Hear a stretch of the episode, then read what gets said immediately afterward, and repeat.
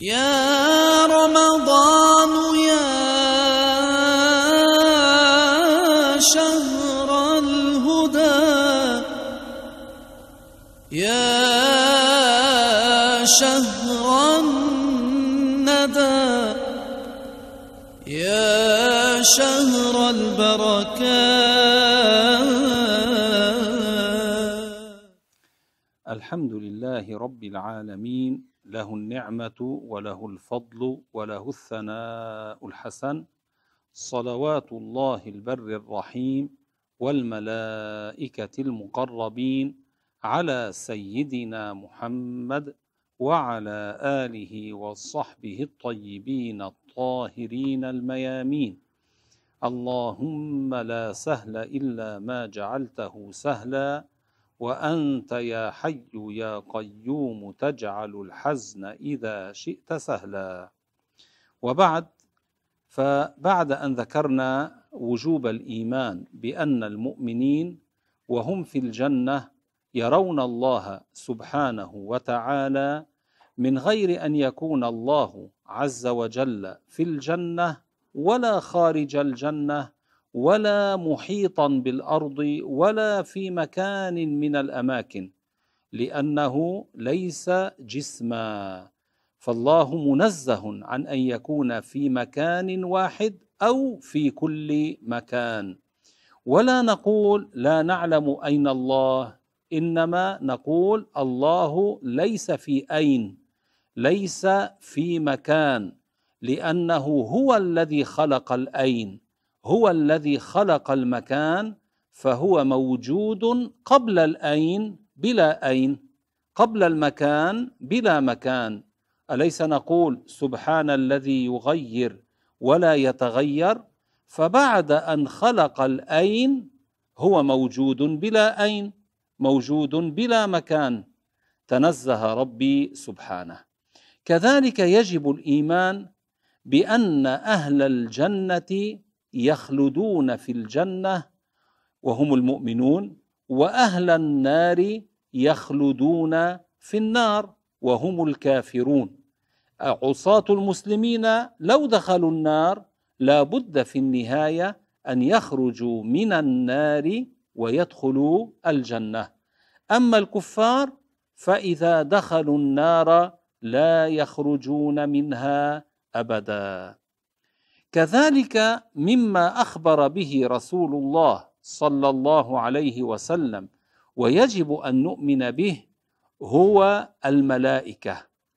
يجب الإيمان بملائكة الله تعالى أي بوجودهم أنهم موجودون وأنهم عباد مكرمون كلهم أولياء صالحون.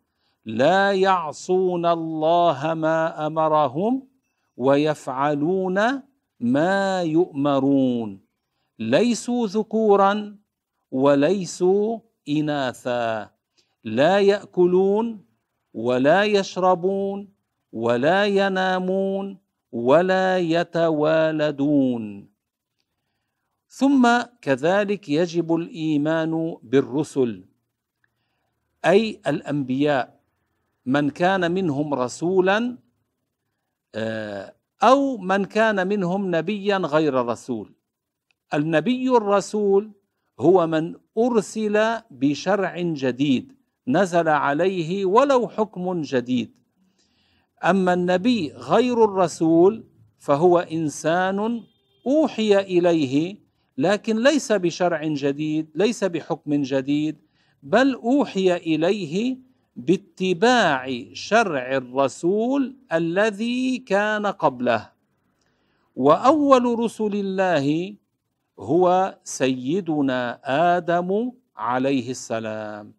وآخر رسل الله سيدنا محمد عليه الصلاة والسلام.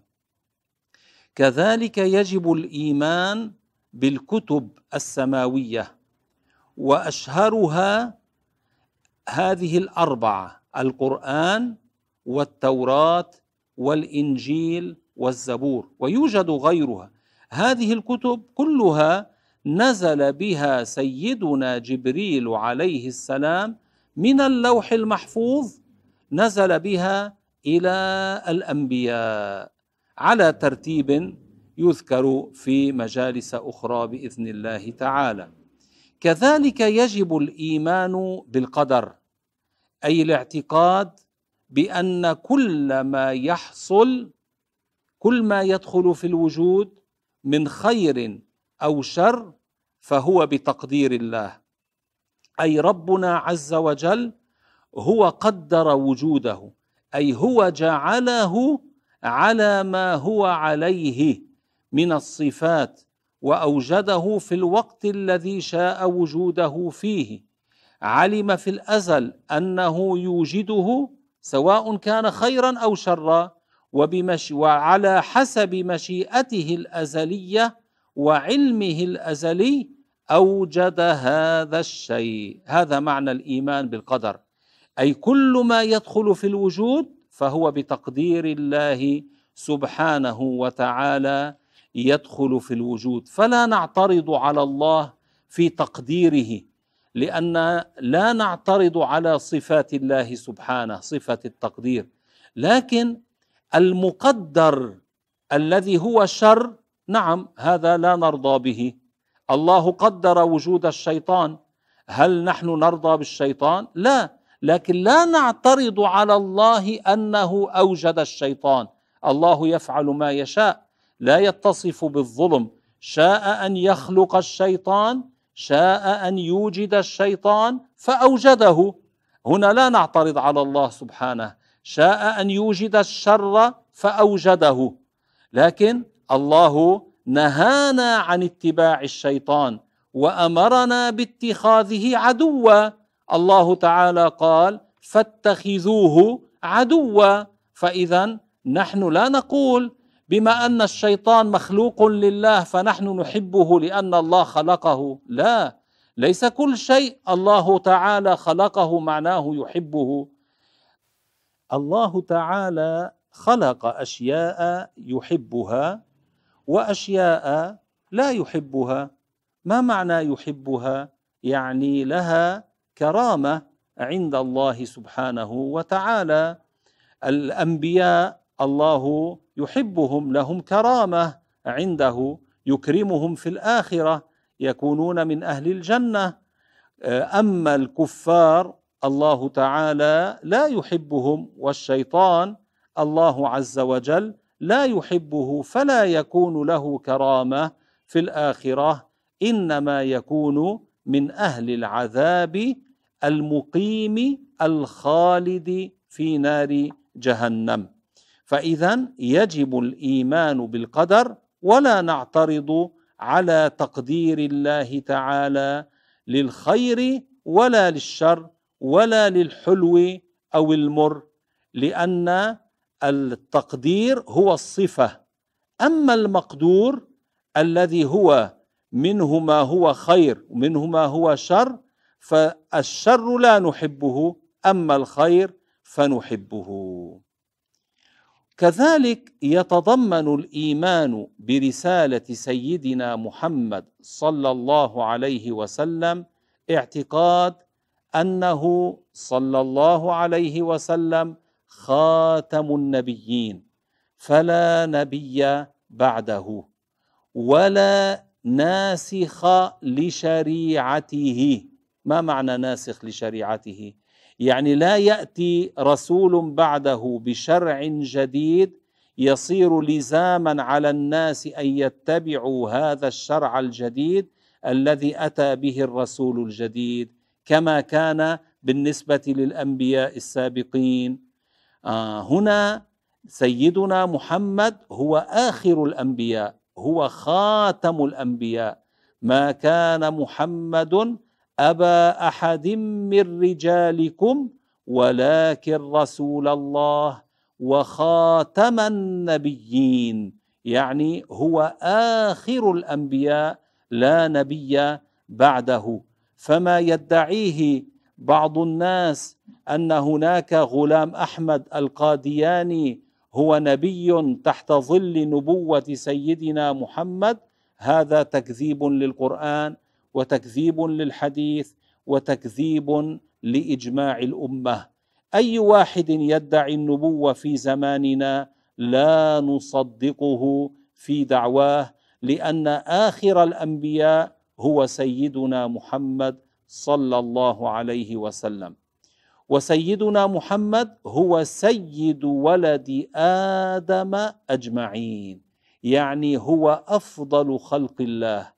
وأعلاهم رتبة وأعلاهم منزلة عند الله تبارك وتعالى. كذلك يجب اعتقاد أن كل نبي من أنبياء الله يجب أن يكون متصفا بالصدق والأمانة والفطانة. فيستحيل على الأنبياء الكذب لأن الكذب نقص ينافي منصب النبوة. الله أرسل الأنبياء ليبلغوا الناس أمور دينهم ومصالح دنياهم ومصالح أخراهم فلا يكذبون كيف يرسلهم ويكونون كاذبين. هذا لا يليق. فالله تعالى لا يرسل نبيا يحصل منه الكذب. كذلك تجب للأنبياء الأمانة فيستحيل عليهم الخيانة. فلا يغشون الناس إن طلبوا منهم النصيحة ولا يأكلون أموال الناس بالباطل. كذلك تجب لهم الفطانة. فكل الأنبياء أذكياء. تستحيل عليهم الغباوة. ما المقصود بالغباوه بالغباوة؟ أي ضعف الفهم. الغباوة ضعف الفهم ينافي منصبهم لأن الله عز وجل أرسلهم ليبلغوا الرسالة ويقيموا الحجة على الكفار المعاندين. فإن كان ضعيف الفهم كيف يقيم الحجة عليهم؟ فإذا قال فيستحيل عليهم الكذب والخيانة أي يستحيل على الأنبياء الاتصاف بالكذب والخيانة كما سبق وذكرنا. ويستحيل عليهم أيضا الرذالة. ما معنى الرذالة؟ يعني أخلاق اسافل الناس أخلاق الدون من الناس. فليس في الأنبياء من هو رذيل عنده أخلاق سفيهة رذيلة. ليس فيهم مثلا من يختلس النظر إلى النساء الأجنبيات بشهوة. ليس فيهم من يسرق ولو حبة عنب. كذلك يستحيل على الأنبياء السفاهة يعني التصرف بخلاف الحكمة. ليس فيهم من هو سفيه يقول الفاظا بشعة شنيعة تستقبحها النفوس. كذلك يستحيل عليهم البلادة فليس فيهم من هو بليد الذهن عاجز عن إقامة الحجة على من يعارضه وليس فيهم كما ذكرنا من هو ضعيف الفهم لا يفهم الكلام من المرة الأولى إلا بعد أن يكرر عليه عدة مرات ويستحيل عليهم الجبن. الأنبياء ليس فيهم من هو جبان بل هم أشجع الناس. كان سيدنا علي رضي الله عنه يقول كنا إذا حمي الوطيس واحمرت الحدق نتترس برسول الله صلى الله عليه وسلم. يعني يكونون خلف النبي عليه الصلاة والسلام والنبي أمامهم في المعركة فهو أشجع الناس عليه الصلاة والسلام. أما الخوف الطبيعي الذي يكون عند الإنسان مثلا إذا رأى أفعى ففي نفسه يتفاجأ بها آه، يفكر في نفسه هذه آه، هل ستضرني؟ كيف أحفظ نفسي منها؟ هذا خوف طبيعي هذا لا ضرر فيه هذا لا يمتنع في حق الأنبياء. أن يدخل بلدا فيها أعداء. فيصير هو يفكر ماذا سيفعل هؤلاء الأعداء كيف يجتنبهم كيف يتحرز من أذاهم حتى يكمل دعوته. ونحو ذلك هذا تفكيره هذا الخوف الطبيعي لا ينتفي في حقهم. لكن عندهم الشجاعة عندهم الجرأة يواجهون الأعداء ويردون عليهم ويقيمون عليهم الحجج. أليس سيدنا موسى وسيدنا هارون واجها فرعون وردا عليه وأظهر المعجزات؟ وسيدنا محمد صلى الله عليه وسلم كان يرد على صناديد قريش ويبين لهم ويرد عليهم ويذم الأصنام. ثم بعد ذلك حين أذن له بقتالهم قاتلهم. عليه الصلاة والسلام. كذلك هذا أمر مهم أن نتنبه له. سبق اللسان أنا قد يسبق لساني أتكلم بشيء لا أريد أن أقوله. فأقول شيئا آخر هذا لا يحصل مع الأنبياء. لأنه النبي إذا أخبر عن شيء فهو صادق. فلا يسبق لسانه يخبر عن شيء بخلاف الواقع وإلا يصير الناس يشكون في خبره يقولون ما أدرانا أنه الآن سبق لسانه أم لا.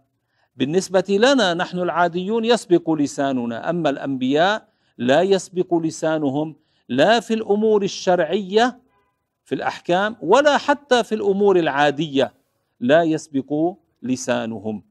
عليهم الصلاة والسلام. ويستحيل على الأنبياء كل ما ينفر عن قبول الدعوة منهم كالأمراض المنفرة. فليس صحيحا أن سيدنا أيوب عليه السلام في مرضه كان يخرج منه الدود. هذا باطل. لو الآن أنا كان يخرج مني الدود من يبقى معي في هذا المجلس؟ ينفر الناس. هذا شيء منفر والأنبياء الله تعالى أرسلهم ليدعوا الناس. فإذا كان الناس ينفرون من منظرهم كيف يدعونهم؟ لذلك الأنبياء هم أجمل خلق الله. ما بعث الله نبيا إلا حسن الوجه حسن الصوت وإن نبيكم أحسنهم وجها وصوتا. فأول البشر كان من أحسن الناس وجها ومن هو أول البشر؟ سيدنا آدم عليه السلام. فليس صحيحا ما يدرسونه في بعض المدارس أن أول البشر كان قردا أو كالقرد. هذا يكون من أحسن الناس وجها. القرد هل هو شيء حسن؟ وجهه لا. الكفار من بني إسرائيل الذين عصوا ربهم وكفروا الله تعالى مسخهم قردة وخنازير. فلو كان القرد شيء شيئا حسنا هل يمسخون إلى قردة؟ نسأل الله السلامه فينبغي أن ننبه ونتنبه لأجل الأولاد ماذا يدرسون في المدارس حتى لا يتعلموا شيئا على خلاف شرع الله تبارك وتعالى. فالأنبياء تجب لهم العصمة من الكبائر من الكفر اولا ومن الكبائر الذنوب الكبيرة ومن صغائر الخسة يعني الصغائر المعاصي الصغيرة التي تدل على دناوة التي تحط من قدر الشخص. الأنبياء يجب لهم العصمة من ذلك قبل النبوة وبعدها. لا يحصل منهم كفر لا قبل النبوة ولا بعدها. ولا يحصل منهم كبيرة لا قبل النبوة ولا بعدها. ولا يحصل منهم صغيرة تدل على خسة ودناوة لا قبل النبوة ولا بعدها. ويجوز عليهم ما سوى ذلك من المعاصي أي الصغائر التي ليس فيها خسة ولا دناءة. مثل ماذا؟ كما حصل مع سيدنا آدم عليه الصلاة والسلام. أليس ورد في القرآن وعصى آدم ربه فغوى عصى آدم ربه يعني حين نهي عن الأكل من شجرة فأكل منها. فها والله تعالى سماها معصية. فهذه معصية لكنها معصية صغيرة ليس فيها خسة وليس فيها دناوة. لكن هنا قد بعض الناس يقولون كيف تقولون هذا؟ والأنبياء فعلهم قدوة. الناس تقتدي بهم. الجواب كما ذكر شيخنا رحمه الله قال لكن ينبهون فورا للتوبة قبل أن يقتدي بهم فيها غيرهم. يعني لا يصل الخبر إلى الناس. إذا حصلت منهم المعصية لا يصل الخبر إلى الناس قبل أن يكونوا قد تابوا منها. ليس يصل الخبر ثم بعد ذلك يتوبون. لا إنما قبل أن يصل الخبر إلى الناس يتوبون منها حتى لا يقتدي الناس بهم في هذه المعصية. فاذا ينبهون فورا للتوبة قبل أن يقتدي بهم أي بالأنبياء فيها أي في تلك المعصية الصغيرة غيرهم من أممهم فيفعل ما فعلوا لأن الأنبياء قدوة للناس. فمن هنا يعلم أن النبوة لا تصح لإخوة يوسف وهم العشرة الذين فعلوا تلك الأفاعيل الخسيسة. أليس ضربوا أخاهم يوسف عليه السلام؟ أليس رموه في البئر؟ أليس تكلموا مع كلام؟ تكلموا مع أبيهم بكلام فيه نسبة السفاهة؟ إلى أبيهم ويعرفون أن أباهم يعقوب عليه السلام نبي وتسفيه النبي كفر. فإذا هذه الأفعال التي حصلت منهم تجعلهم بعيدين عن أن يكونوا أنبياء لا ينبؤون. وهذا هو القول الصواب في هذه المسألة. وهم من سوى بنيامين. بنيامين هو أخوه الحادي عشر أصغرهم وهو أخوه الشقيق من أمه وأبيه. أولئك إخوته من أبيه فقط ليس من أمه. وبنيامين كان صغيرا ما شاركهم في أفعالهم تلك. فبعض العلماء ذكر أن بنيامين صار نبيا بعد هذا. وأما ما ورد في القرآن من ذكر الأسباط فالأسباط هم هم الذين أنزل عليهم الوحي من غير إخوة يوسف هؤلاء. هم من نبئ من ذرية هؤلاء. يعني من ذريتهم منهم من أوتي النبوة. والسبط ما معناه؟ السبط في اللغة يطلق على الولد وولد الولد. هذا السبط في اللغة.